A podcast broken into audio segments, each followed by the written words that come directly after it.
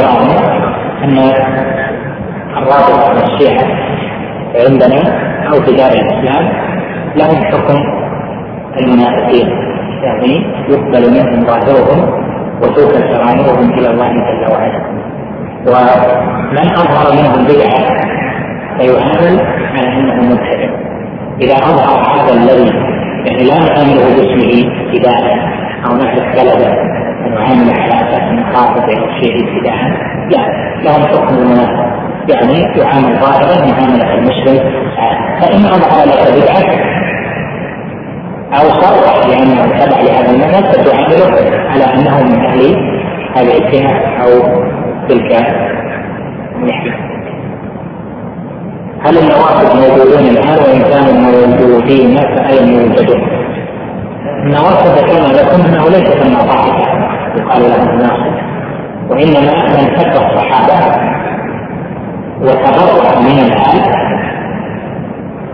سب الصحابة وتبرع من الآل. يقال لهم ناصر لهذا الخوارج يذكرون بأنهم نواصب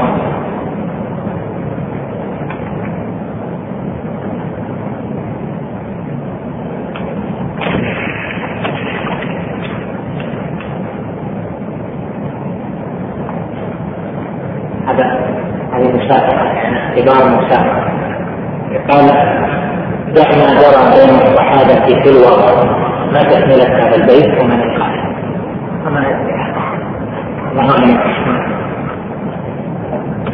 أحد يعلم دعنا إيش؟ ترى بين الصحابة في الوراء. لأن فيما مضى يقال أن واحد كتب بيت الشعر يعني يبغى تكملته وكل من ألف يعني جاء يبي يعني يختبره يدري هذا نشيد. بعد ينصح إيش؟ دع ما جرى بين الصحابة في الوقت ونشيد. هذا أخي معه لابن القيم. تحفظه ثمانية القحطاني يعني أتأكد. تأكدوا من ذلك. أما أنا ما عندي علم نونية القحطاني يحفظ منها يعني مقاطع يعني بعض انتخبت منها بعض الأبيات كنونية ابن القيم. لأنها طويلة ربما حفظها ما يكون متيسر وهذا اللي ينبغي يعني إذا صارت قصائد طويلة للأئمة المعروفين تنتخب منها الأبيات المهمة والتي يكون حفظها ميسرا لك مسألة أو مثبتا لمسألة أو فيه تفصيل وأقسام سمات التفسير يكون معك ذلك يعني جيد لماذا لا يقال ان خديجه افضل من في الاخره؟ لما نص عليه الحديث انها امراه سيده النساء في. طبعا الجهات مختلفه في التقريب نختلف أيضا كما اختلف الأول. هل ممكن أن نعرف عنوان درس يوم الثلاثاء القادم يعني الدرس العام هو بعنوان كيف ادعو درس العام بعنوان كيف ادعو وذلك لما أخذ الطرق العطله وكثيرا ما تأتي أسئلة من أخوان الشباب في منهم من يريد أن يؤثر في بيته، منهم من يريد أن يؤثر في أصحابه، منهم من يريد أن يرجع إلى بلده إذا كان من غير أهل الرياض. وما يعرف كيف الطريقة، كيف يبدأ، كيف يرتب نفسه، فلعل يكون في الدرس إن شاء الله تعالى. علاج أو ارشاد لبعض تلك الناس. هل يذكر من سب الصحابة؟ هذه تاتينا في آخر البحث. حكم سب الصحابة وحكم الزوجات حكم سب الزوجات في آخر ما صحة ما ينسب للشيخ عبد العزيز من أنه يكفر الرواتب في بلادنا. الرواتب اصناف رواتب فالرواتب الاماميه الولاة الذين يعرفون اليوم. في هذا المذهب من حيث العموم يكفرون لأنهم يعتقدون أن أئمتهم آلهة يدعون ويرجون ويعتقدون جواز مناداة علي والاستغاثة به رضي الله عنه ومناداة الأئمة ولهم معتقدات كثيرة بها. نقول إن فعل ذلك الاعتقاد فهو كافر هذا من جهة الجنس لكن من جهة المعين في دار الإسلام ما يحكم على المعين منهم بالكفر؟ بل يحكم عليه بظاهره مثل ما ذكرت لكم. يحكم عليهم ظاهرا بالإسلام. وتوفي سرائرهم إلى الله جل وعلا. فمن أظهر منهم من المعينين بدعة حكم عليه بالبدعة.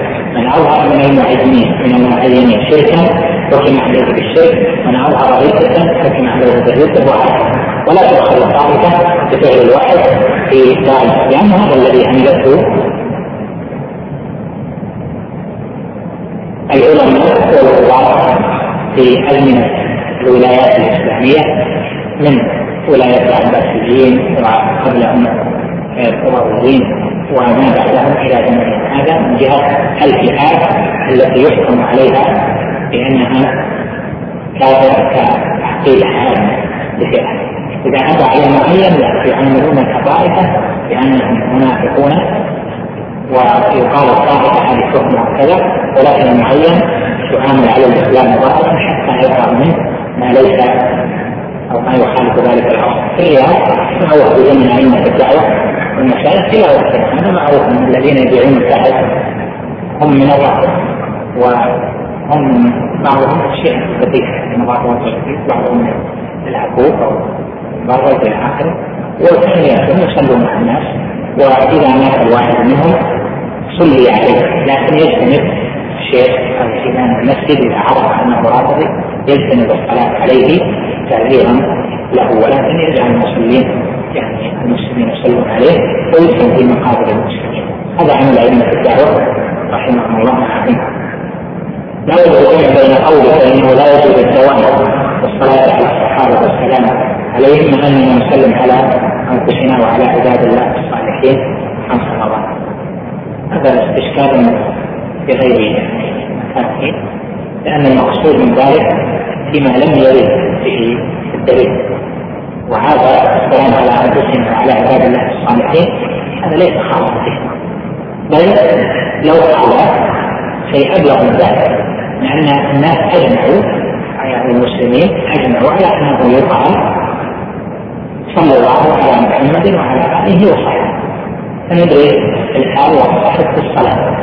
جميعا قال هذا مما جاوزه أهل العلم مما أما كلام الرسالة فأن يجعل على فئة شعار يقال فلان عليه السلام مثل ما عند الزيدية أو عند الشيعة جعفر عليه السلام علي عليه السلام الحسين عليه السلام كاظم عليه السلام هل ما يحدث في كتب التاريخ كتابة من جرير بنهاية البداية والنهاية وغيرها مما ذكر من الأحداث ما جرى بين الصحابة إيش؟ من عدم الامساك عما شجر بينهم الكتب كتب التاريخ على تصنيف منها ما هو بالإسناد ما كان بالإسناد أو قاعدة عند أهل العلم أن العالم إذا ذكر إسناده فقد تبرأ من العدة. يدخل في الإسناد وهذا الاسناد فيه روايه فلان معروف انه كذاب انتهى من العذر ما دام الرجال وكان أمينا معه فذكر الرجال فقد تبرأ من العهده يعني عهده ما ذكر في الرواية. وأما الكتب التي ليس فيها أسماء كبدايه النهايه وغير ذلك ففيها من التفصيل ما هو مهم في فهم ما جرى فالامساك عما شجر بينهم يعني من الاختلاف اما إذا كان في بيان الحق أو بيان وإيضاح لما حصل فإنه قد يكون ذلك فيه مساعدة على الإنسان. لانك اذا عرفت الوجهه انفذت وأما إذا لم تعرف الوجهه وجهه هؤلاء ووجهه هؤلاء لا يعتمد المرء بالانفاق فيكون وسيلة من وسائل الانفاق والتاريخ يتجوز فيه ما لا يتجوز في غيره هذا ونختم باننا نقف هذا الأسبوع في الدروس بإذن الله. تعالى نسأل الله لنا ولكم التوفيق والرشاد وأن يجعلنا من المتحابين فيه. وأوصي كل واحد منا بأن يدعو لاخواننا الحاضرين كما رأيتم. في هذه الدروس وفي غيرها واخواننا المسلمين بعامه لأن هذه مما تجعل القلب محبه وبدل لاخوانك المؤمنين وأن يكون المسلم ظاهرا لاخوانه بعد غيره من الدعاء. وهذه ربما غفل عنها كثيرا فتدعو الحاضرين في الفترة المقبلة ولخاصتك أسأل الله جل وعلا أن يكتبنا في من عنه وصلى الله وسلم وبارك على نبينا محمد. أما الآن فنترككم مع مجلس آخر من هذا الشرح. وأشهد أن لا إله إلا الله وحده لا شريك له وأشهد أن محمدا عبد الله ورسوله صلى الله عليه وعلى آله وصحبه وسلم تسليما كثيرا إلى يوم الدين. أما بعد فهذا الدرس بداية لدروس هذا العام. الذي أسأل الله جل وعلا فيه أن يكون عملنا فيه صالحا وعلمنا فيه نافعا وأن يجعلنا من المقبلين على الحق المتواصلين به الذين يريدون وجه الله جل جلاله في كل أعمالهم. ولا يخفى أن العلم هو أشرف مطلوب وأن السعي فيه سعي في أشرف المطالب وأعظمها. فنفس طالب العلم عبادة وحركاته إذا كانت فيه في عبادة وذلك إذا كان مخلصا لله جل وعلا فيه. فإن الملائكة كما جاء في الحديث الصحيح تضع أجنحتها لطالب العلم رضا بما يصنع. ومن سلك طريقا يلتمس فيه علما سهل الله له به طريقا إلى الجنة. فأعظم المطالب لمن عقل العلم. العلم بالله جل وعلا وبكتابه وبرسوله صلى الله عليه وسلم وبسنة محمد بن عبد الله عليه الصلاة والسلام. هذا هو أشرف المطالب وأعظمها. فمن كان من الموفقين وفق إلى هذا الأمر العظيم وهو أن يطلب العلم لله جل جلاله. وأن يخلص فيه القصد له سبحانه وتعالى. قد قال العلماء أعظم ما يتنافس فيه المتنافسون العلم لأن العمل يكون بعد العلم. فاعلم أنه لا إله إلا الله واستغفر لذنبك والعلم بلا إله إلا الله هو علم بالشريعة والشريعة تضم الاعتقاد والأحكام. لهذا في إقبالنا على هذه الدروس نكرر الوصية بالجد في طلب العلم ونكرر التحذير ألا ألا تتوالى الأيام وتنقضي الأعمار والناس إما في غفلة عن هذا العلم وإما أن يكونوا يطلبونه على غير وجهه. والعلم سهل ميسور. لأن الله جل وعلا سهله.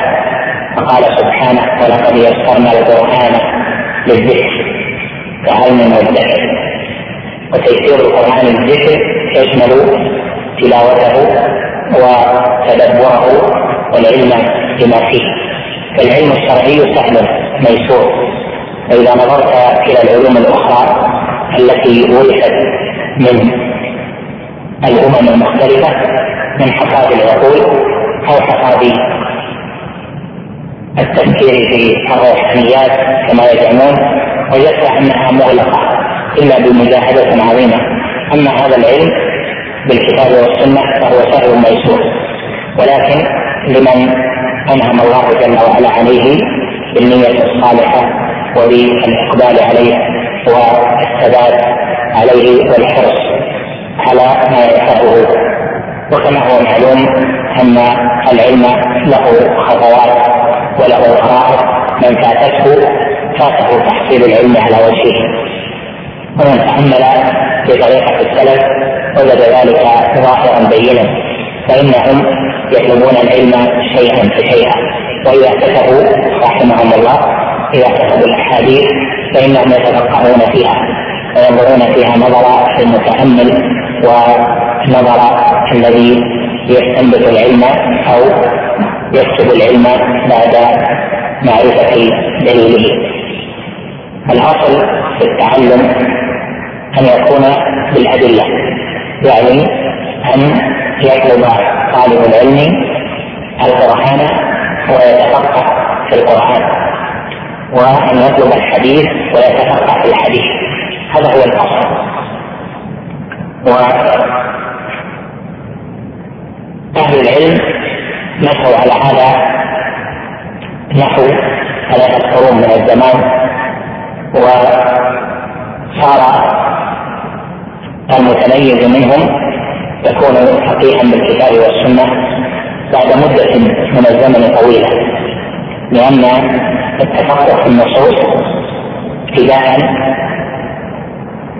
هو الحصل ولكن يطلب طالب علم مجد ويطلب معلما محيطا بنصوص الكتاب والسنة وبالعام والخاص والناسخ والمنسوخ وكلام الناس في ذلك. ولهذا ترى في هذا الزمن هناك من يقرر العلم لكن لو أتي له بشرحه أتي له بتفسير القرآن أو بتفسير السنة فإنه قد لا يخرج نفسه من كثير من الإشكالات. وذلك لأن الفقه في النصوص يطلب علما واسعا. لهذا لما كثر الزمان وضعفت همة طلاب العلم عن الاستقصاء وعن طلب الحديث ولقاء العلماء والرحلة في ذلك خفف أهل العلم على المحصلين فصنفوا لهم الكتب المختصرة في التفسير وفي الأحكام الفقه وفي العلوم المساعدة بخلاف الأصل الذي درج عليه الأولون. وهذا منهم رحمهم الله تعالى لأجل تيسير العلم على الناس لأن الناس ضعفوا عن حمل العلم كما حمله السلف الصالح.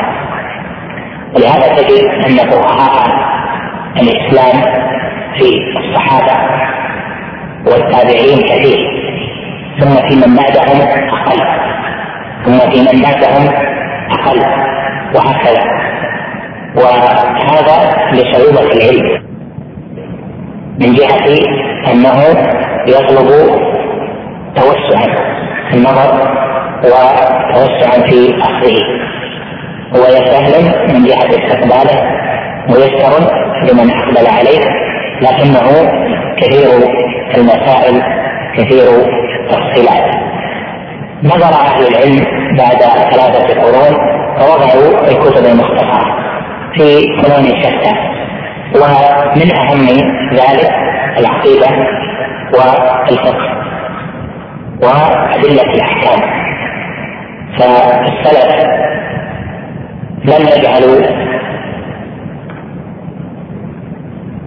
العقيدة على شكل مختصرات بل كانوا يجعلونها في كتب مقصودة كما ترى في كتاب السنة لعبد الله بن الإمام أحمد وفي كتاب التوحيد لابن خزيمة وفي كتاب التوحيد من صحيح البخاري والسنة من سنن أبي داود والسنة من ابن ماجه وهكذا في كتب كثيرة هو الإيمان والشريعة والتوحيد ونحو ذلك من الكتب والقدر وغيرها كانت كتبهم فيها البصر لأنها تليق بمكانتهم وبمن يتلقى.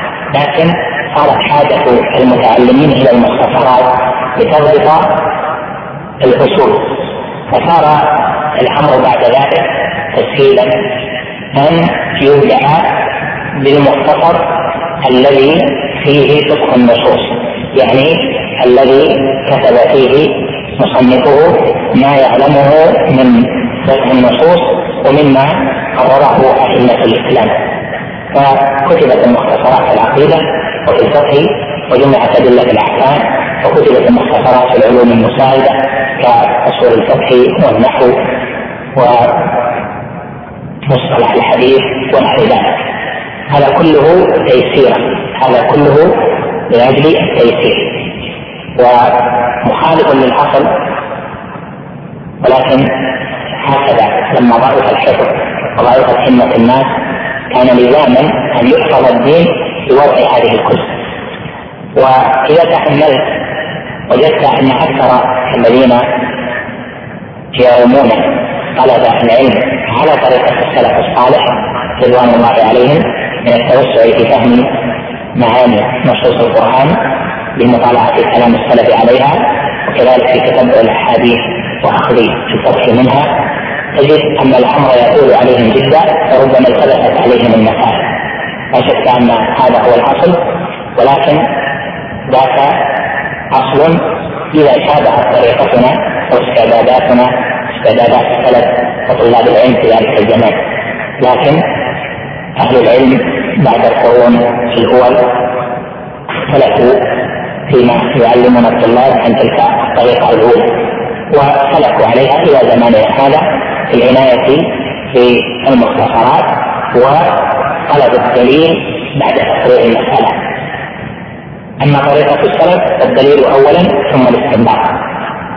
لكن طريقة المتأخرين المسألة ثم دليلها وهذا لأجل أن تكون المسألة التي هي حصيلة فهم ذلك العالم بنصوص كثيرة وقد تكون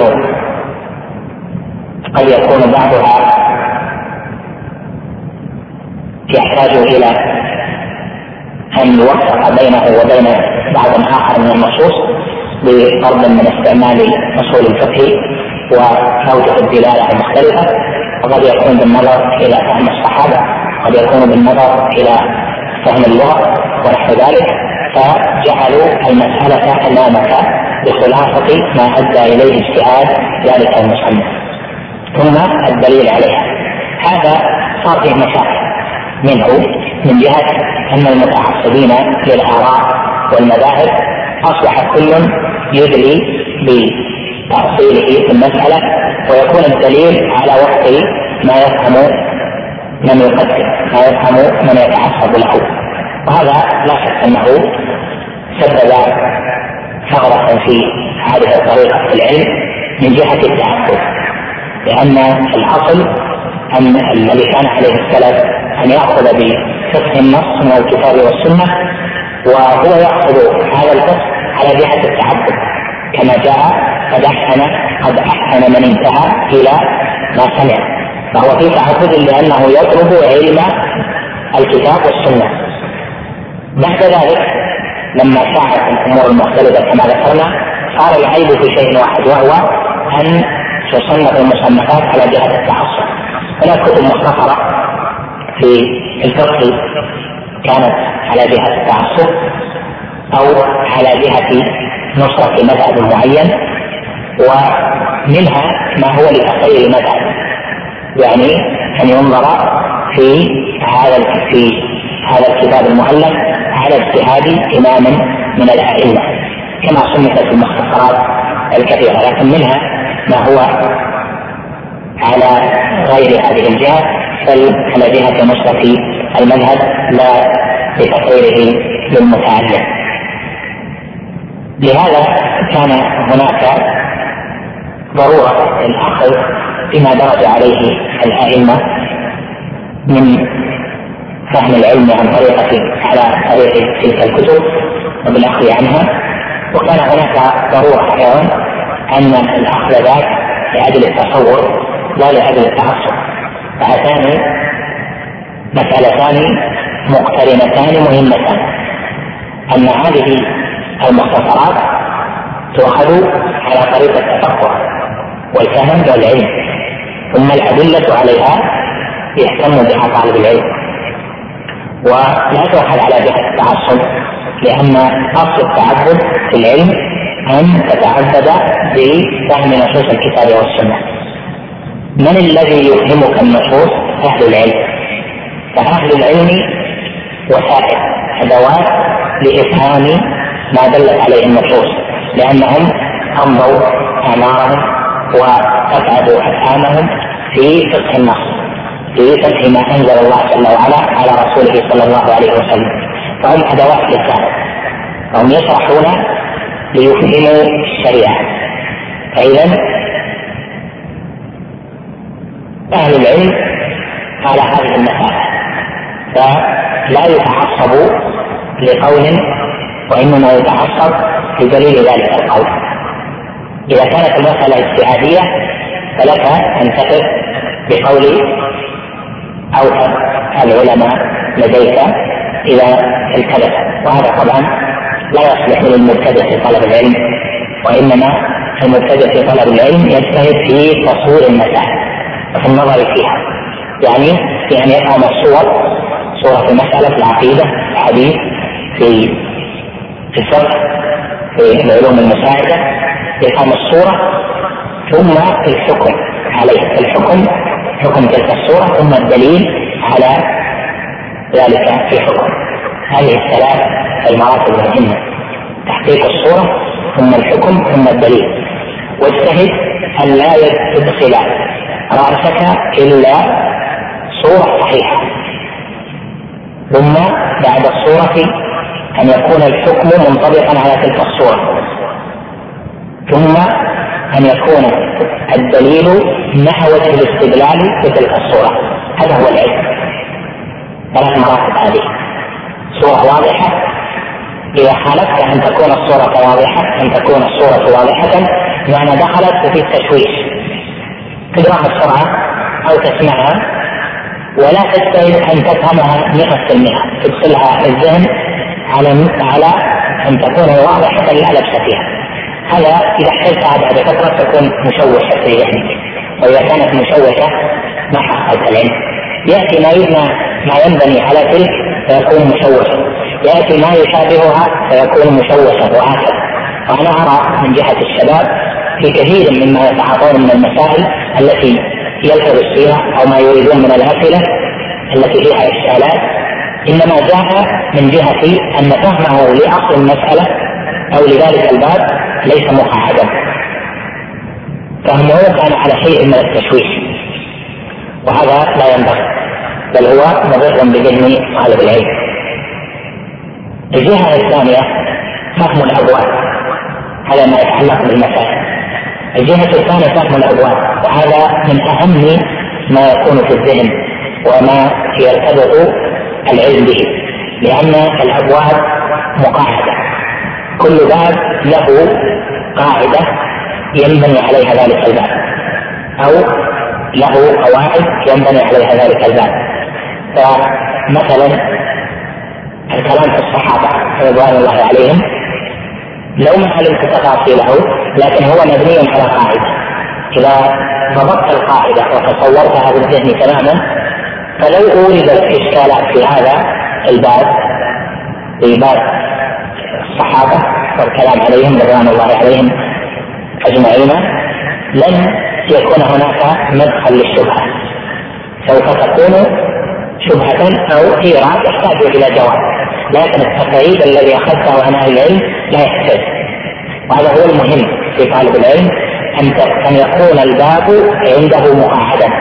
لا يهتم بشهرة المسائل والصور إنما أن تكون قواعد الباب محكمة. يعني أن ينظر في الباب مرة مرتين ثلاث حتى يتصور هذا الباب بني على أي شيء.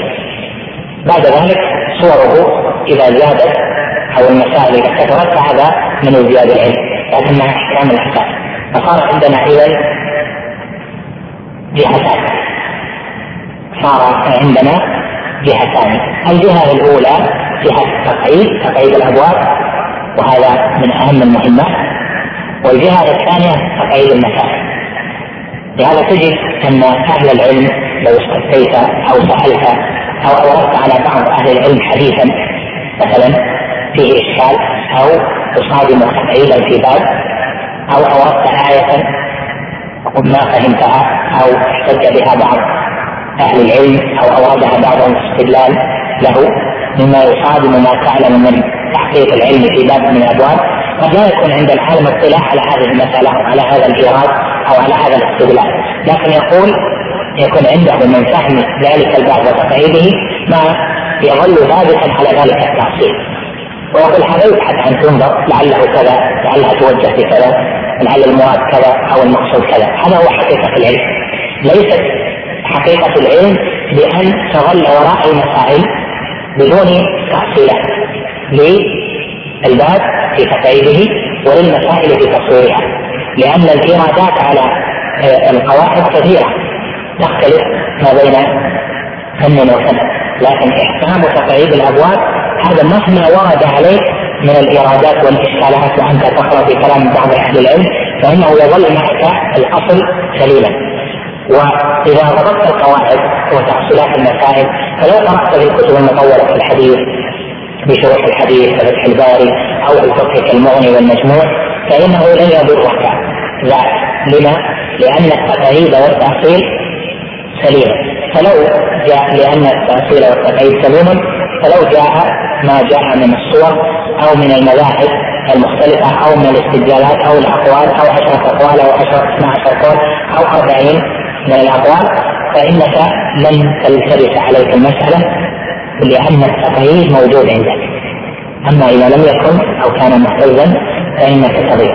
لهذا أجد أن كثيرا من الإخوان الشباب طلبة العلم يريدون إشكالات وتستغرب أنه يورد كثير من الإشكالات.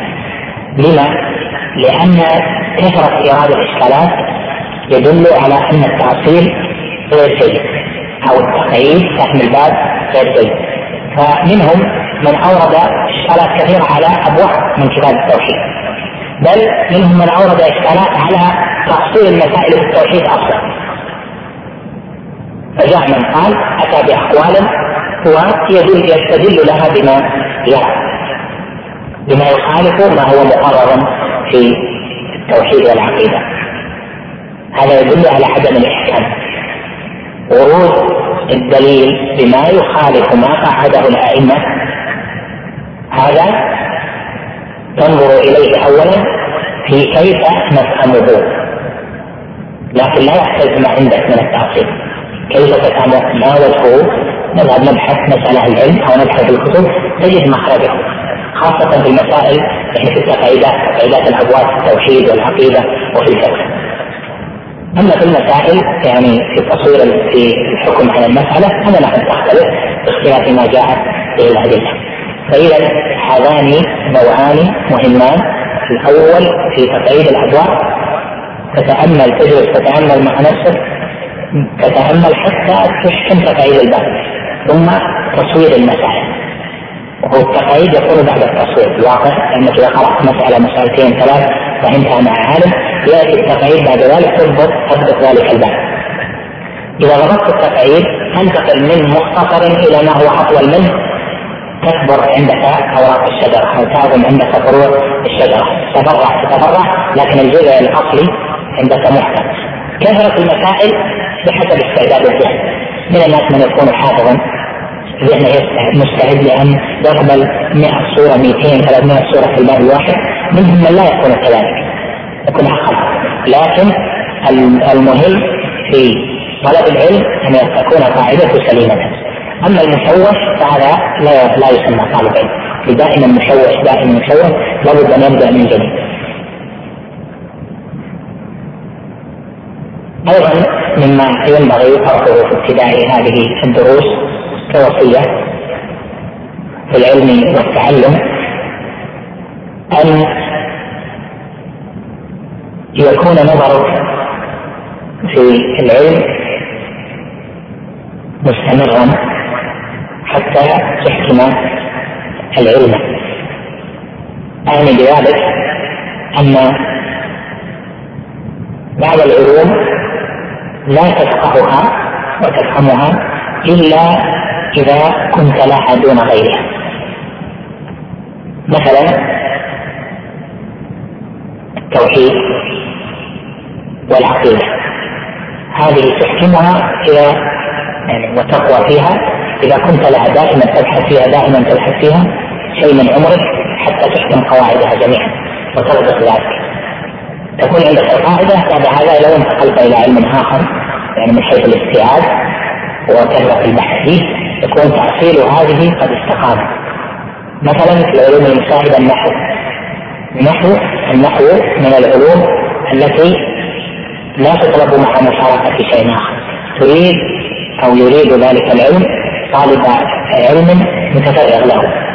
فترة من الزمن حتى تحكم. سنة إذا ضبطته جدا انتهى خلاص.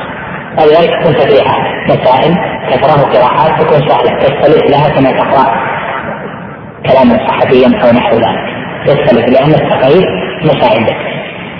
لكن هذا ما يصلح للمخالفة أقول هذا لأن بعض طلبة العلم يضع له جدول. ويقول مثلا يوم السبت يكون لي كذا وكذا وكذا. يوم الأحد أقرأ في كذا وكذا يوم الاثنين أقرأ في كذا. يجعل له جدول وإذا به يقرأ في تسعة أنواع من العلوم أو ثمانية أنواع من العلوم. هذا غير صحيح. هذا يكون بعد التحصيل والتقعيد يكون استزادة من المعارف والعلوم. نعم يصلح. لكن في البداية وهو لم يحسن علما تختلف عليه العلوم. يدخل عليه ما ورد في التفسير على من مثلا خلافات نحوية على ما في النحو. على ما في الفقه على ما في مصطلح الحديث. ما في العقيدة التوحيد يدخلون مثلا على ما في الفقه وهكذا تختلف معه. لكن الذهن خاصة في ثلاثة علوم التوحيد والعقيدة والفقه والنحو. هذه العلوم الثلاثة ما تقبل الشركة. أما غيرها فيمكن أن يؤخذ على مر الأيام والليالي بحسب ما جرى يعني شيئا فشيئا تفسير تاخذه شيئا فشيئا حديث شيئا فشيئا حسب ما تقرأ تستفيد وكذلك العلوم الأخرى.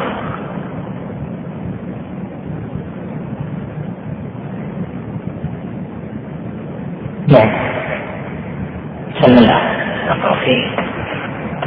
عقيدة الواسطية اعتقد لنا فيها ربما أربع جلسات يعني أربع دروس. يعني هذا الشهر شهر خمسة إن شاء الله تعالى إن يسر الله وأعان ننهي فيها هذا الكتاب المبارك. الأولياء.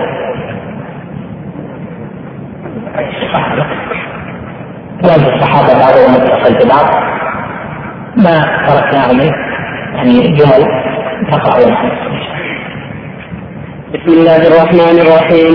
الحمد لله رب العالمين وصلى الله وسلم على نبينا محمد. وعلى آله وصحبه أجمعين. قال شيخ الإسلام رحمه الله تعالى رحمة واسعة.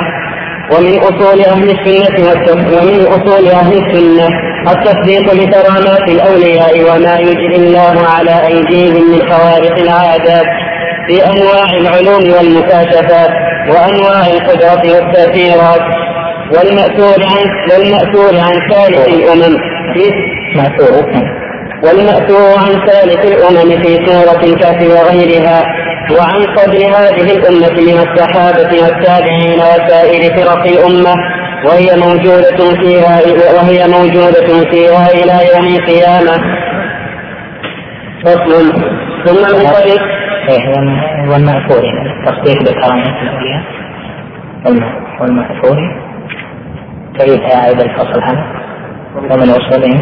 ومن اصول أهل السنة التكليف بكرامات الاولياء وما يجري الله على ايديهم من خوارق العادات بانواع العلوم والمكاشفات وانواع القدره والتاثيرات والمأثور عن ثالث الامم في سوره الكهف وغيرها وعن قدر هذه الامه من الصحابه والتابعين وسائر فرق الامه وهي موجوده فيها إلى يوم القيامه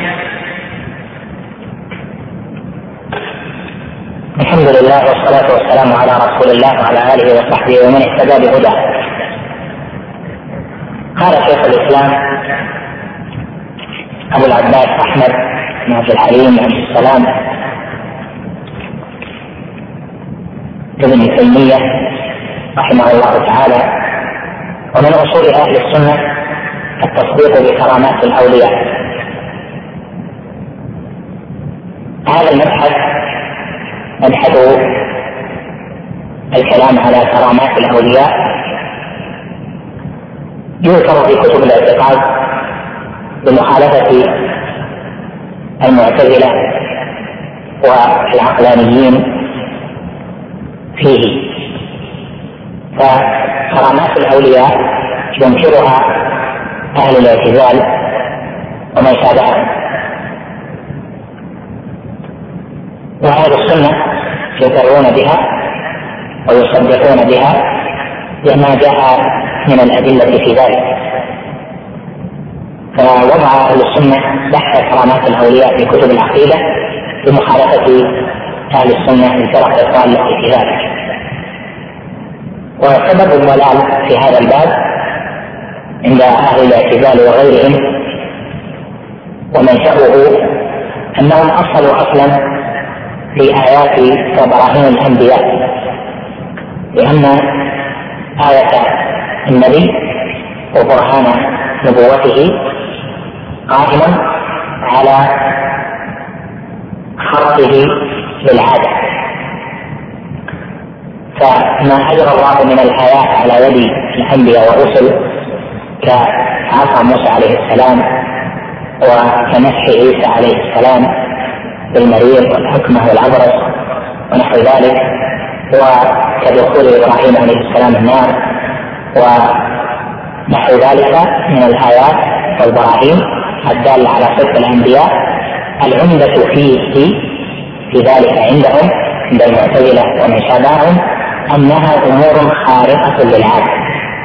قالوا فإذا كان ذلك خارقا للعادة فمعناه أن الآية خارقة للنبي في نبوته فإذا كان هناك خوارق للعادة أخر يجوز أن تقع لغيرهم من السحرة والكهنة أو من الأولياء فإن النبوة تكون مشتبهة وليس لها دليل واضح لأن عمدة الدليل عندهم على خط العادة.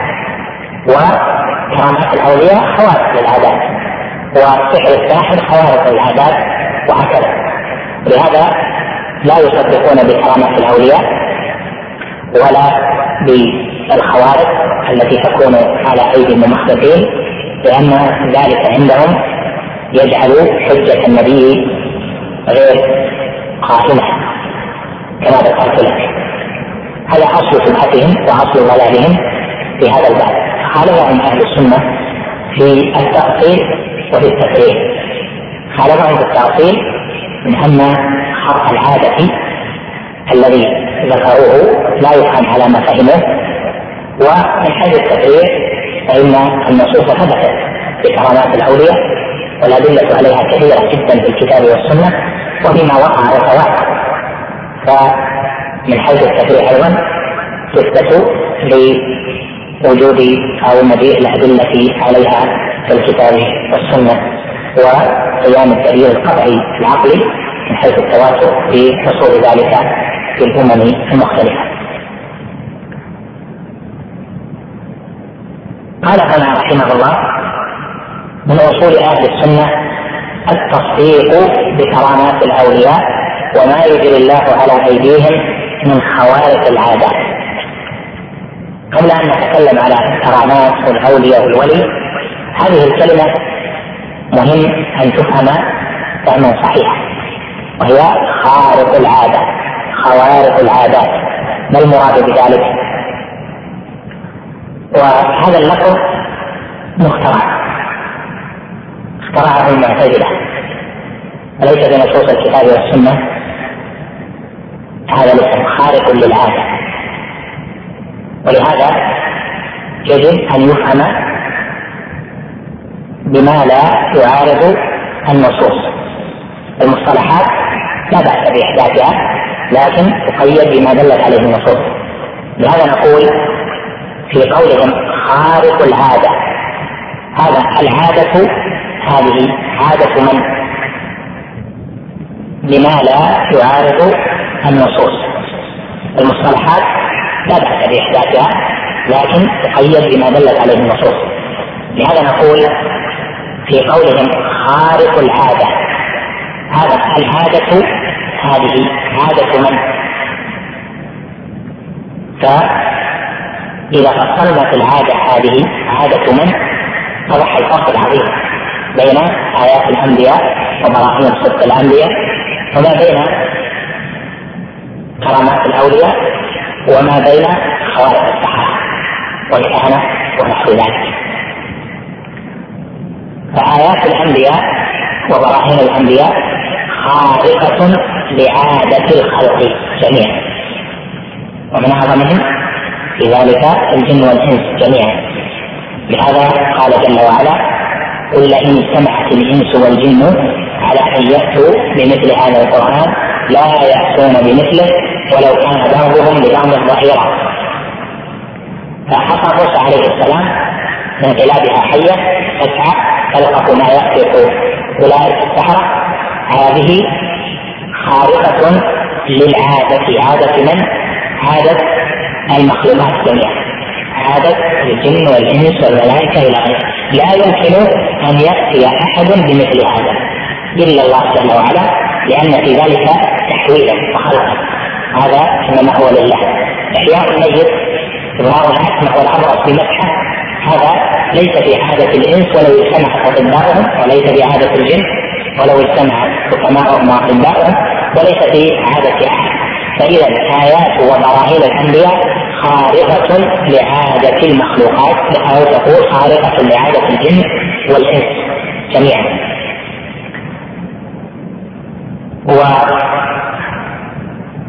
وكرامات الأولياء خارقة للعادة. لكن عادة من هل هي عادة الجن والإنس جميعا لا. لو كانت عادة الجن والإنس جميعا لا اتبع ذلك بالنبوة. لكن هي خارقة لعادة الناس في زمانهم. لهذا نقول كرامات الأولياء قد تكون من جنس آيات الأنبياء. لكن يختلف خرق العادة في هذا وهذا. ويختلف أيضا جنس الآية بين هذه وهذه. قد تشترك معها مثل أن إبراهيم عليه السلام دخل النار. فكانت ربنا سلام عليه. كذلك أحد الصحابة في اليمامة دخل النار. فلم تصبه فالنار هذه والنار هذه جنس. لكن هذا من كونه من جنس تلك النار يعني نار إبراهيم ونار التي أنتجوها لهذا تختلف. وأيضا سلامة إبراهيم تختلف عن سلامة هذا وآية إبراهيم في ذلك في تحديهم يختلف عما وقع الصحابي في ذلك. هناك بعض آيات الأنبياء قد تكون من جنس ما حصل لكن لا تشاركها في المساكين لا تساويها في العظم وفي التحدي بها وفي إرغام الناس على أو في اضطرار الناس على أن ذلك لا يكون إلا من عند الله جل جلاله. فإذا نقول كرامة الولي خارقة للعادة كما قال شيخ الإسلام هنا لكن هي عادة ناس زمانهم. ليست عادة الناس في كل زمان. قد يكون يتقدم الزمان ويكون يفعل بمثل ما مثل مثلا منهم من انتقل من مكانه إلى مكان آخر في مدة وجيزة. هذه كرامة. بساعه انتقل من الرياض إلى مكة. في ذلك الزمن هي كرامة لأنها ليست من عادة الناس فإذا من الذي جعل ذلك للولي؟ الله جل وعلا. صارت كرامة له حصلت في هذا الزمان خوارق السحرة والكهنة ونحوهم هي خوارق لمن ليس منهم. ليست للناس لكن خارقة لعادة من ليس ساحرا خارقة لعادة من ليس كاهنا صارت قدر لأن الشياطين تساعدهم والسحرة والكهنة كل منهم يمده شيطان فإذا صار هذا المسمى خارق للعادة اصطلاح جديد يجب أن يفهم على ما يتفق مع ما دلت عليه النصوص من الكتاب والسنة على فهم سلف الأمة. في القرآن العظيم خالق للعادة عادة من؟ عادة عليه بل وجميع المخلوقات والملائكة لهذا قال جل وعلا قل لئن اجتمعت الإنس والجن على أن يأتوا بمثل هذا القرآن لا ياتون بمثله.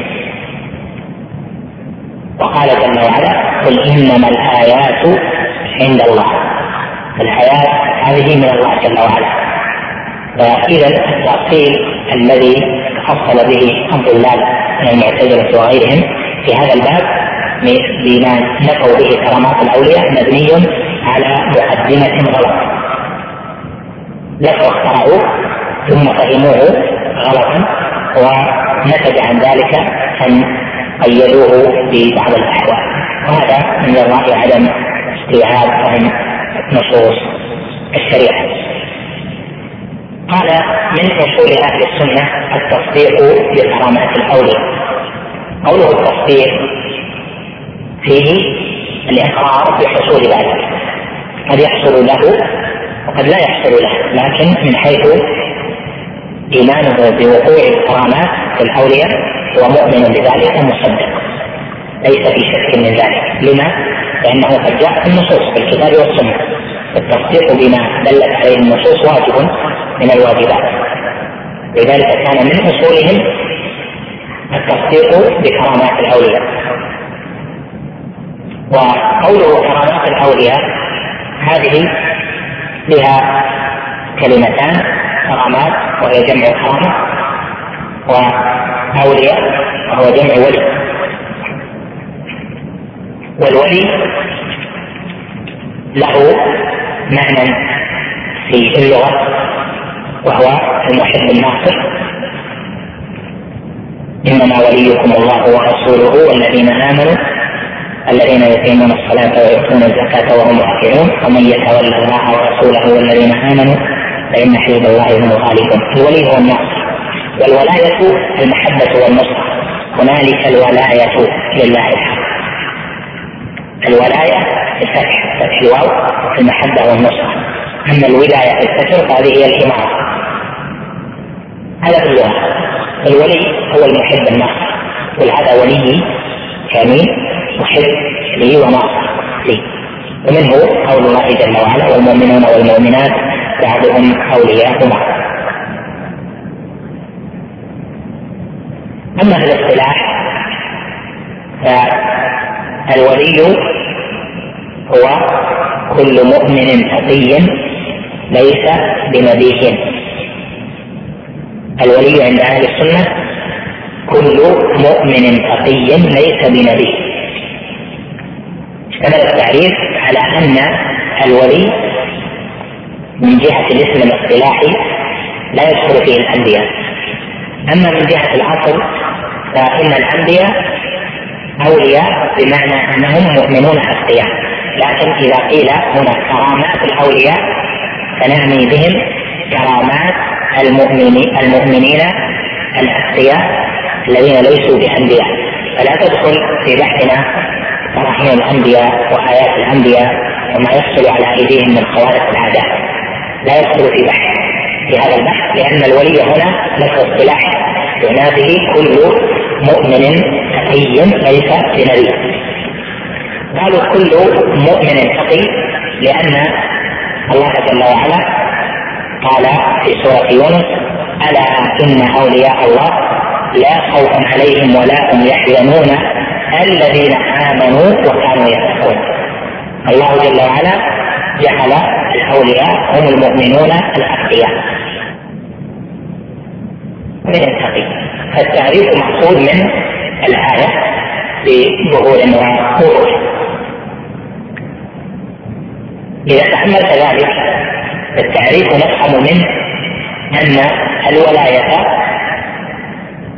تتبعها لأن الإيمان والتقوى في أهله يتبعها وكل مؤمن تقي ليس بنبي ولي والإيمان يتبعها والتقوى تتبعها فينتج من ذلك أن الولاية تتبعها لكن اسم الولي يطلق على من كمل الإيمان والتقوى. فقولهم كل مؤمن تقي يعني من كمل الإيمان والتقوى واجتهد في ذلك. وهذا هو الذي يطلق عليه الوجه وقد يكون هناك كرامات لمن لم يكمل الإيمان والتقوى حسب ما يناسبه هذا تعريف الوجه.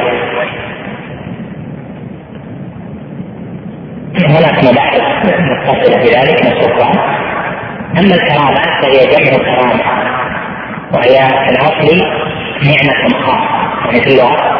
الكرامة هي النعمة الخاصة.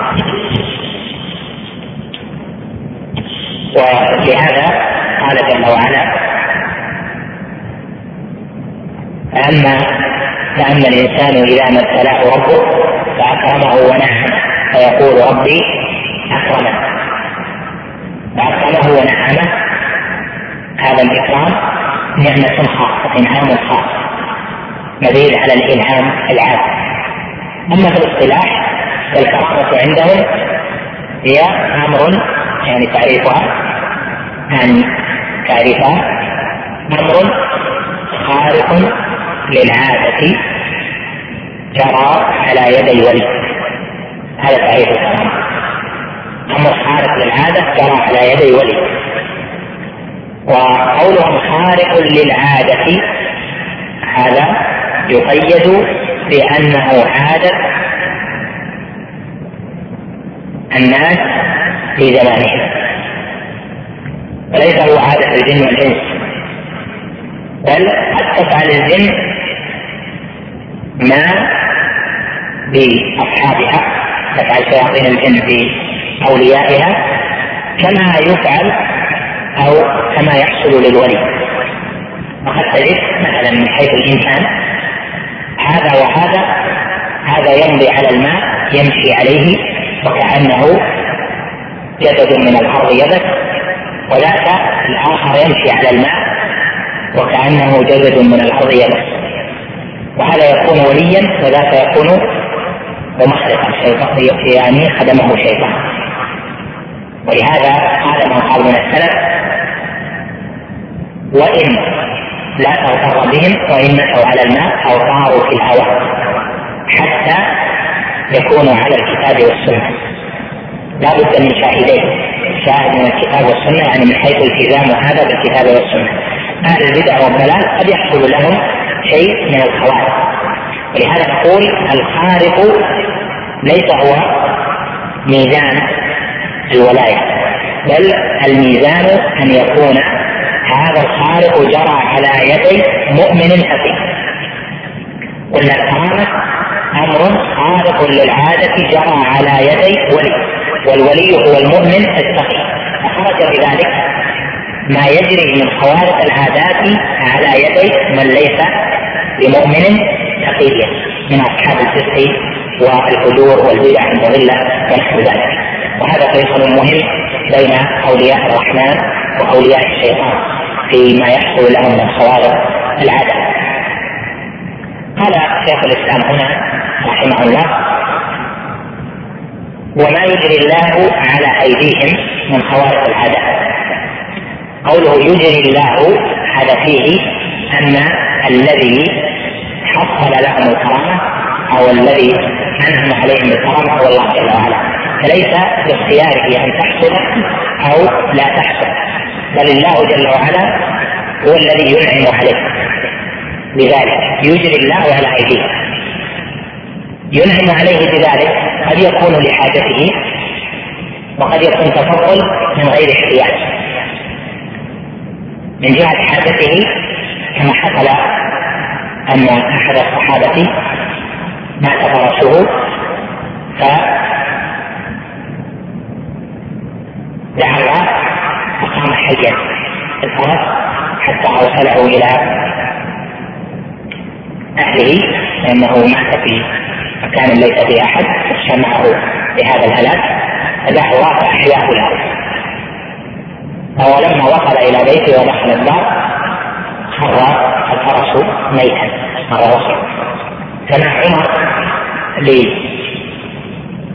أو رؤية عمر لسارية وللجيش وسماع هذا من جهة الحاجة.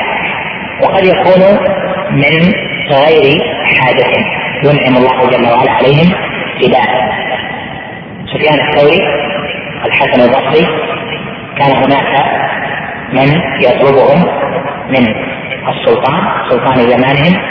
فدخل الشرط ينظرون في المنزل ويفتشون وكان الحسن جالسا في صحن الدار وسفيان أيضا كان جالسا في صحن داره ولم يرى الشرط الحسن ولا سفيان هذا من جهة إكرامه نعم ليس هو بحاجة يعني يحتاج إلى ذلك أو هو في نفسه أنه محتاج لكن إلهام من الله جل وعلا وإكرام ولهذا قال العلماء إن الكرامة لا تدل على رفعة من حصلت له. هذا من أصول أهل السنة. في باب الكرامات أن الكرامة لا تدل على رفعة من حصلت له وأن من لم تحصل له أضعف ممن حصلت له.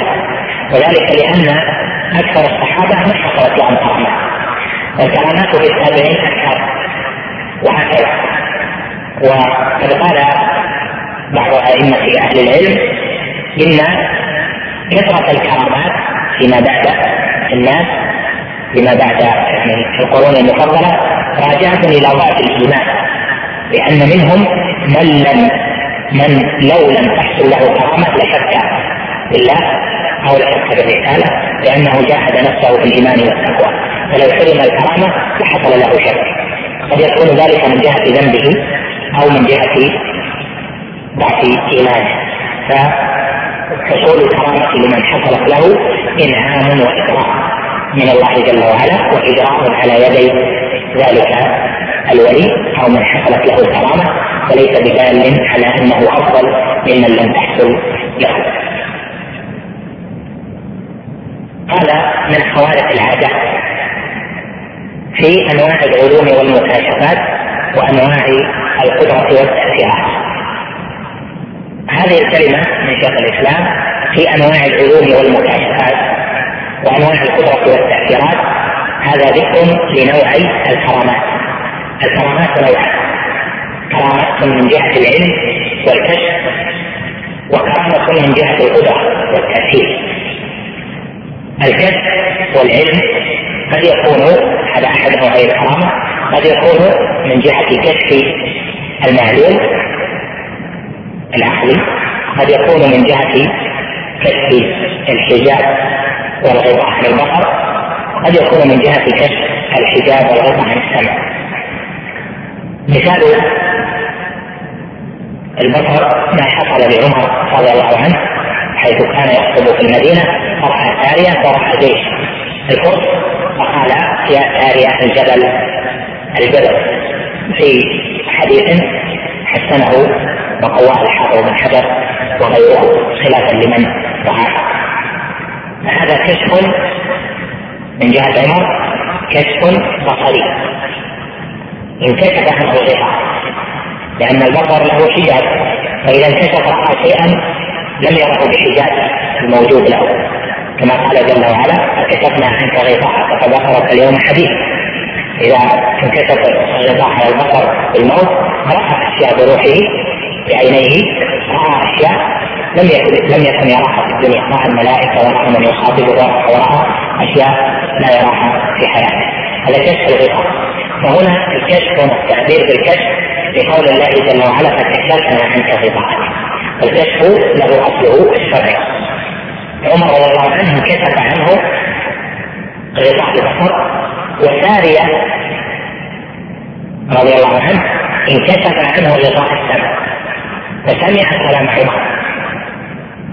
وعمر بالمدينة وسارية في مكان بلاد فارس فانكسر عنه وقال سمع فسمع كلام عمر يدور هذا إكرام من الله جل جلاله.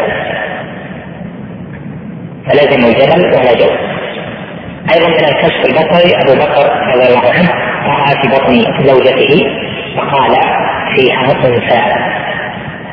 فلما ولدت بعد مدة كانت كذلك. فهذا من الكشف كشف البصر أيضا الكشوف العلمية حيث يكشف له وينكشف له من العلوم ما لا يكون بقدرة غيره. هذا إكرام من الله جل وعلا في الحد ولهذا نقول إن هذا النوع العلم يعني الكشف نوع العلم والكشف من الكرامات مرتبط بكلمات الله جل وعلا الكونية وكلمات الله جل وعلا الشرعية. فارتباطه بكلمات الله جل وعلا الكونية راجع إلى الكشف البصري والسمع ونحو ذلك.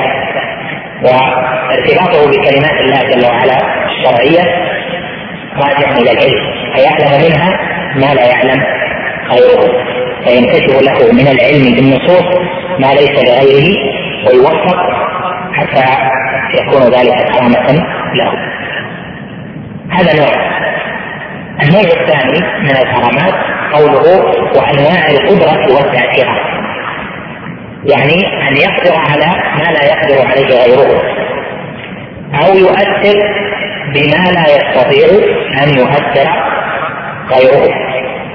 يعني يكون عنده قدره ذاتيه ليست في مقدور أهل زمانه مثل ما حصل لسعد حيث يبس الماء ومر الجيش.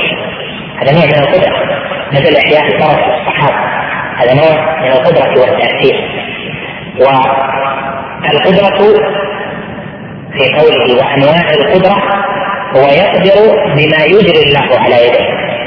وإلا فليس بوسعه أن يقدر لأنه خارج عن مقدوره لكن الله جل وعلا يعطيه قدرة خاصة من جهة الإكرام. فصارت القدرة كرامة. والتأثير التأثير قد يكون تاثيرا في الكون في الكونيات وقد يكون تاثيرا في الشرعيات. صار عندنا هنا في القدرة والتأثير صار عندنا قسمان قدرة وتأثير في الكونيات وقدرة وتأثير في الشرعيات هذا أيضا نؤمن به ونصدق ومن جهة الكونيات كما مثلنا لكم ومن جهة الشرعيات ما جعل الله جل وعلا لبعض الناس من الكرامة في التأثير في الناس. ويؤثر فيهم ويقبل فيكون قوله فيهم مسموعا وإفهامه لهم مؤثرا ويكون دعوته لهم نافعة ووعده لهم نافعة. وقد ذكر أهل العلم عن بعض الوعاظ من العلماء أنه ربما أسلم على يديه الموت في المجلس الواحد كذا وكذا من جراء واحد وتاب على يديه عشرة آلاف كما ذكروا في بعض مجالس ابن الجوزي رحمه الله. هذا نوع من الكرامة في التأثير. تأثير مرتبط بالشرع تأثير في الشرعيات. يعني أثر في الشرع بالالتزام بالشرع ونحو ذلك أثر في فهم الشرعيات. أو تأثير في الكونيات بالإقدار على ما لا يقدر عليه غيره. هذا خلاصة بحث في هذا التقسيم. وهذه الجمل لها تفصيلات وتقسيمات تطلب من مضامها المطولة إذا تقرر ذلك فبحث الكرامات بحث مهم وذكرت لكم أن المعتزلة ينفون الكرامات ولا يصدقون بكرامات الأولياء وأهل السنة يصدقون بكرامات الأولياء والأشاعرة يصدقون أيضا بكرامات الأولياء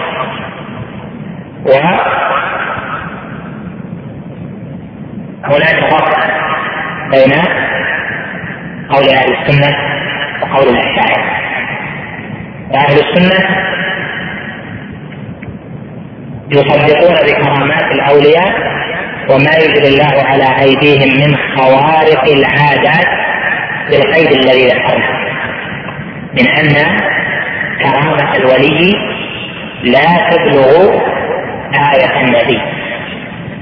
والأشاعرة يقولون كرامة الولي تساوي آية النبي. والفرق بينهما أن كرامة الولي ليست مقرونة بدعوى النبوة. وآية النبوة وآية النبي أو كرامة النبي أو البرهان الذي يعطي الله جل وعلا الأنبياء والرسل هذه مقرونة بدعوى النبوة. الفرق بينهما عند الأشاعرة من جهة اقتران الكرامة أو الخارق للعادة بدعوى النبوة. فإن كان منها تخالف العادة دعوى النبوة صارت آية وبرهانا ومعجزة وإن خلت من دعوى النبوة صارت كرامة. وهذا يخالف مذهبه وطريقتنا وقول أئمة أهل السنة في أن كرامات الأولياء لا تبلغ. آيات الأنبياء. ولهذا نقول إن آيات الأنبياء خارقة ل الأنبياء خارقة لجنس أو خارقة لمقدور جنس المخلوقات.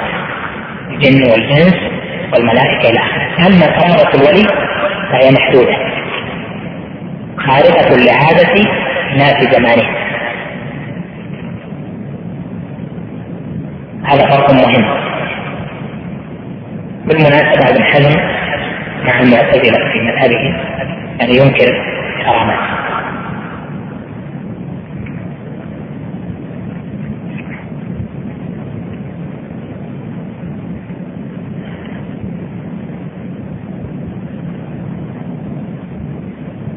خلاصة القول في مذهب أهل السنة والجماعة. في كرامات الأولياء أن كرامات الأولياء لا تتساوى وعدم تساويها ليس لأجل تفاضل الإيمان. فقد يعطى الأكمل في الولاية من الكرامة ما هو أقل مما يعطى ما هو أقل مما يعطى الأقل منه إيمانا. قد يعطى من عليه بعض المعصية أو من حقى شيء من الكرامة فلا يعطاها المؤمن التقي المسدد لأجل حاجة ذاك إلى ما يقوي إيمانه ولطف الله جل وعلا به وعدم حاجة ذاك. من أصول أهل السنة في هذا أن أهل البدع والمحدثات والعصيان والكبائر ليسوا بأهل للحرام فلا يجرى على أيديهم خوارق للعادات وهذا يعني أن ما يحصل لأهل البدع من خوارق العادات إنما هو من الشياطين. لهذا شيخ الإسلام ابن تيمية من الشياطين أو من الاحتياط يحتاجه لهذا شيخ الإسلام ابن تيمية لما ذكرت له الرفاعية طائفه صوفيه منسوبه إلى أحمد الرفاعي المعروف في الشام أنهم من آياتهم التي تدل على أنهم أولياء أنهم يدخلون النار ولا تفرقون قال شيخ الإسلام ابن تيمية إن هناك زيتا يباع في المشرق إذا ابتلي به الجسد لم تصل النار إلى الجسد فإن كانوا صادقين فليغتسلوا قبل أن يدخلوا النار. يغتسلوا اغتسالا جيدا قبل أن يدخلوا النار. فأبوا أن يفعلوا ذلك. هذا من جهة الاحتياج من جهة أخرى قد يكون من جهة الشياطين. كمن يرسل السكين في بطنه أو يأكل الأسعى أو ولا تصيبه ونحو ذلك. هذا من جهة تصوير الشياطين. فإذا التقعيد أن أهل البدع ما يحصل لهم من الكرامات ليست هي كرامات وإنما هي خوارق شيطانية إلا في حالة واحدة وهي حالة قتال أهل البدع بالكفار والمشركين. هذه حالة مستثناة عند أهل السنة وهي أن أهل البدع إذا قاتلوا المشركين والكفار فقد يكرمون وقد تكون لهم كرامات. وهذه الكرامات ليست إكراما لأشخاصهم لأنهم أهل بدع وعصيان وضلالات ولكن إكرام لما حملوه من أصل الدين من أصل الإسلام. لهذا قال شيخ الإسلام في كتاب النبوات وفي غيره إن أهل البدع يعطون كرامات إذا كانوا في جهاد للمشركين. إما جهاد لسان أو جهاد سنان.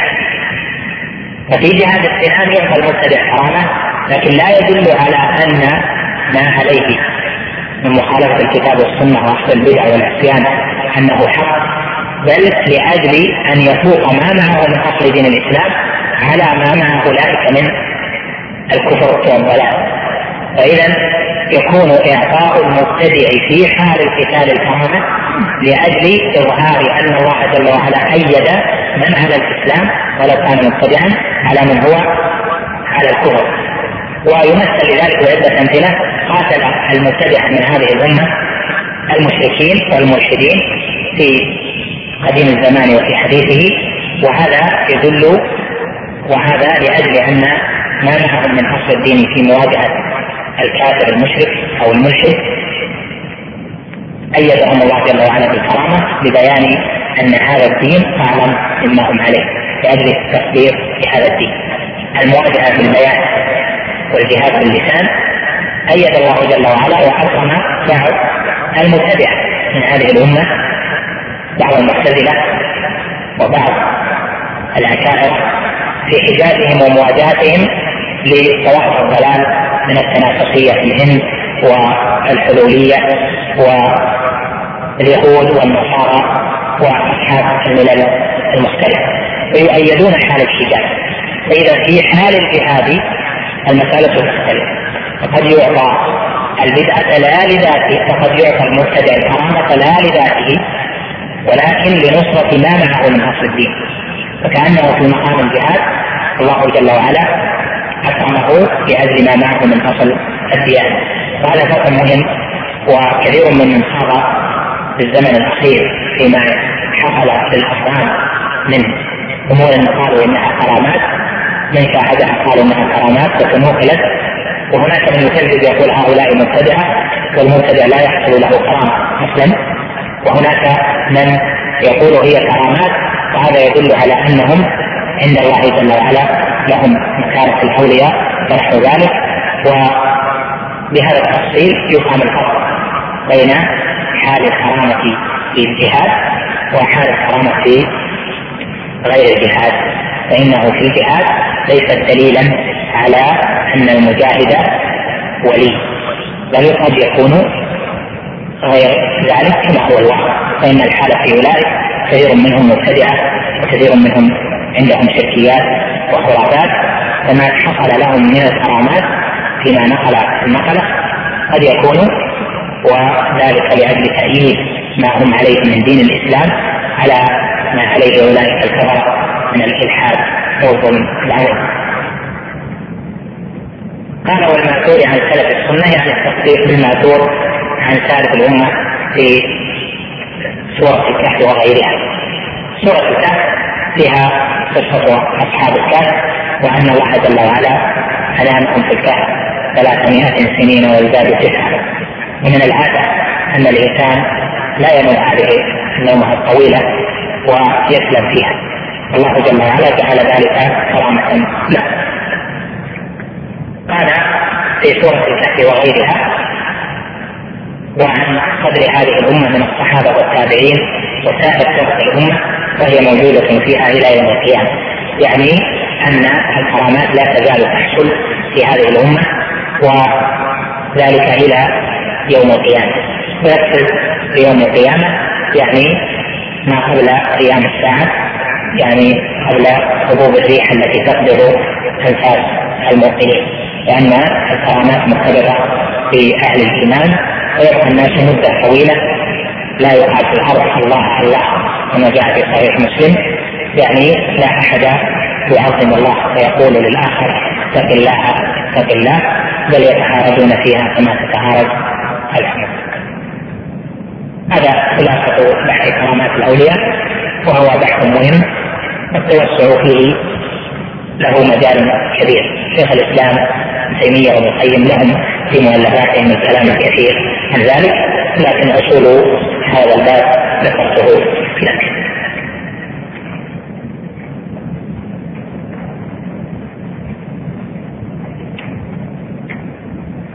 نكتفي بهذا القدر. وصلى الله وسلم وبارك على نبينا محمد. إن شاء الله يوم الاثنين على حدث نفس السنة الماضية الاثنين بعد المغرب درس الزاد والثلاثة بعد المغرب درس العام والاربعاء بعد العشاء. في فتح المجيد لكن هذا الأسبوع ليس آه، ما يتمكن من المجيء يوم الأربعاء ليلة الخميس ما حكم من عمم وقال إن الخوارق هي خوارق للعادات الطبيعية؟ هي لعادة الأنس فيما يجري لهم عادة لعادة أهل الزمان فيما يجري لهم عادة. عادات الطبيعية قد يكون شيء من جهة القدرات من جهة الكشف. هذه ما هي ليس لها دخل الطبيعة فيها. يعني ينظر ينظر هكذا يرى ما يفعله الناس. يكشف عما في قلبه يرى فلان ويعرف ما يدور في نفسه. لهذا تجد أنهم يذكرون الكلام على الفراسة. تقول فراسة المؤمن فإنه ينظر بنور الله. يذكرون الكلام على الفراسة وانواع الفراسة واصناف ذلك في مبحث الكرامات لأن لها صلة بمبحث الكرامات لأن الفراسه كشف ونعني بالفراسه الفراسه الإيمانية هي كشف كما أن الكرامة كشف فهي في الواقع كرامه وأما الفراسه الرياضية وأشباه ذلك فهذا يحصل بالتعلم ليس من جهة الإكرام. هذا وصلى الله وسلم على نبينا محمد. أما الآن فنترككم مع مجلس آخر من هذا الشرح. في بعض الأخوان بسم الله الرحمن الرحيم الحمد لله والصلاة والسلام على رسول الله وعلى آله وصحبه ومن اهتدى بهداه. أما بعد فأسأل الله جل وعلا لي ولكم السداد في القول والعمل وأن يجنبنا الفتن ما ظهر منها وما بطن وأن يجعل أعمالنا جميعا خالصة لوجهه وأن يجعلنا في كل حركاتنا وسكناتنا ناصرين هذه الدعوة التي هي دعوة التوحيد الخالص التي بعث بها المرسلون جميعا. ولا من شك أن الأزمنة تحتاج في إقرار الحق ودفع ضده إلى جهاد ومجاهدة وكل ذلك لا بد من القيام به. وإذا اتيح باب من أبواب الخير أو باب من أبواب المجاهدة في الصلاح والخير فإن العبد إذا أحسن نيته لله جل وعلا ورغب في الخير وصدق مع الله جل وعلا في تعامله واجتهد أن يكون كما الله جل وعلا فإنه على باب من ابواب الفلاح والهدى لأن الله جل وعلا أمر بالجهاد والجهاد يكون بالقرآن قبل أن يكون بالسنان. كما قال جل وعلا فلا تطع الكافرين وجاهدهم به جهادا كبيرا. يعني جاهدهم بهذا القرآن. والجهاد بالقرآن أو بالعلم أو بالدعوة يحتاج إلى صبر ومصابرة ويحتاج إلى طول عناء وسؤال للثبات ولهذا كثيرون ممن راموا طريق العلم تركوه لأن العلم طويل. فتجد أنه طلبه بعض السنين ثم تركه لأجل طوله. الأمور كلها تحتاج إلى مجاهدة. ومنها طريق العلم. ومن الأبواب التي يحصل بها الخير في طريق طلب العلم والدعوة أن يتعاون الجميع لأن الدعوة إلى الخير والدعوة إلى هذه العقيدة الصافية الصحيحة التي ندرس كتابا من كتبها وهو العقيدة الواسطية إن اقرار ذلك ونشره في الناس وتعليم الجاهل وبثه في المساجد وغير ذلك لا شك أنه من المهمات. ويجب أن يتعاون طلبة العلم والدعاة إلى الخير وأهل العلم وكل منتسب إلى الخير يتعاونون في ذلك جميعا لأن الله جل وعلا أمر بذلك. في قوله سبحانه وتعاونوا على البر والتقوى ولا تعاونوا على الإثم والعدوان. وفي قوله جل وعلا ولتكن منكم يأمر يدعون إلى الخير ويأمرون بالمعروف وينهون عن المنكر وأولئك هم المفلحون. لهذا ربما ما حضر الدرس الماضي كثير منكم فتبانا بهذه الوصية العامة التي نرجو أن تكون على البال وفي القلوب وأن لا يترك بعضنا بعضا؟ وأن يساعد بعضنا بعضا في الخير والصلاح والهدى؟ وقد كنا شرحنا في الدرس الماضي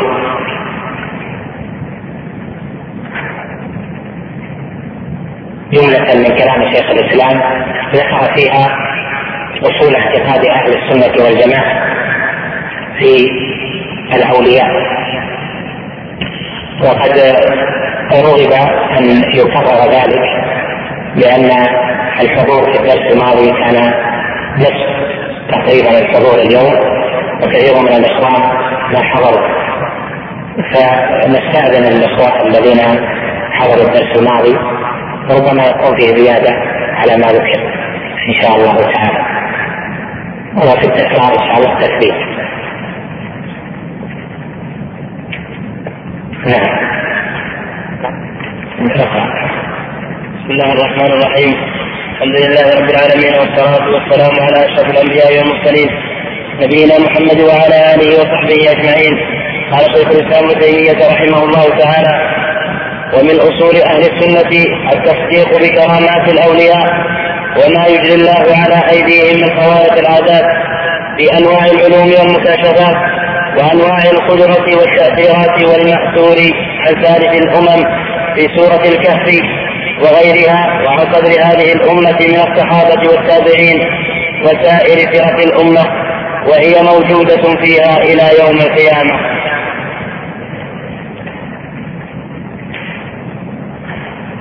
قال شيخ الإسلام رحمه الله تعالى ومن أصول أهل السنة التصديق بكرامات الأولياء. كرامات الأولياء البحث فيها جاء فرعا عن الكلام في دلائل النبوة وآيات الأنبياء وبراهين الأنبياء. الله جل وعلا أيد كل نبي بآية وببرهان وهي التي سماها بعض المتأخرين المعجزات. والتسمية الشرعية لها الآيات والبراهين والبينات. قد جئتكم ببينة من ربكم. قال في تسع آيات إلى فرعون.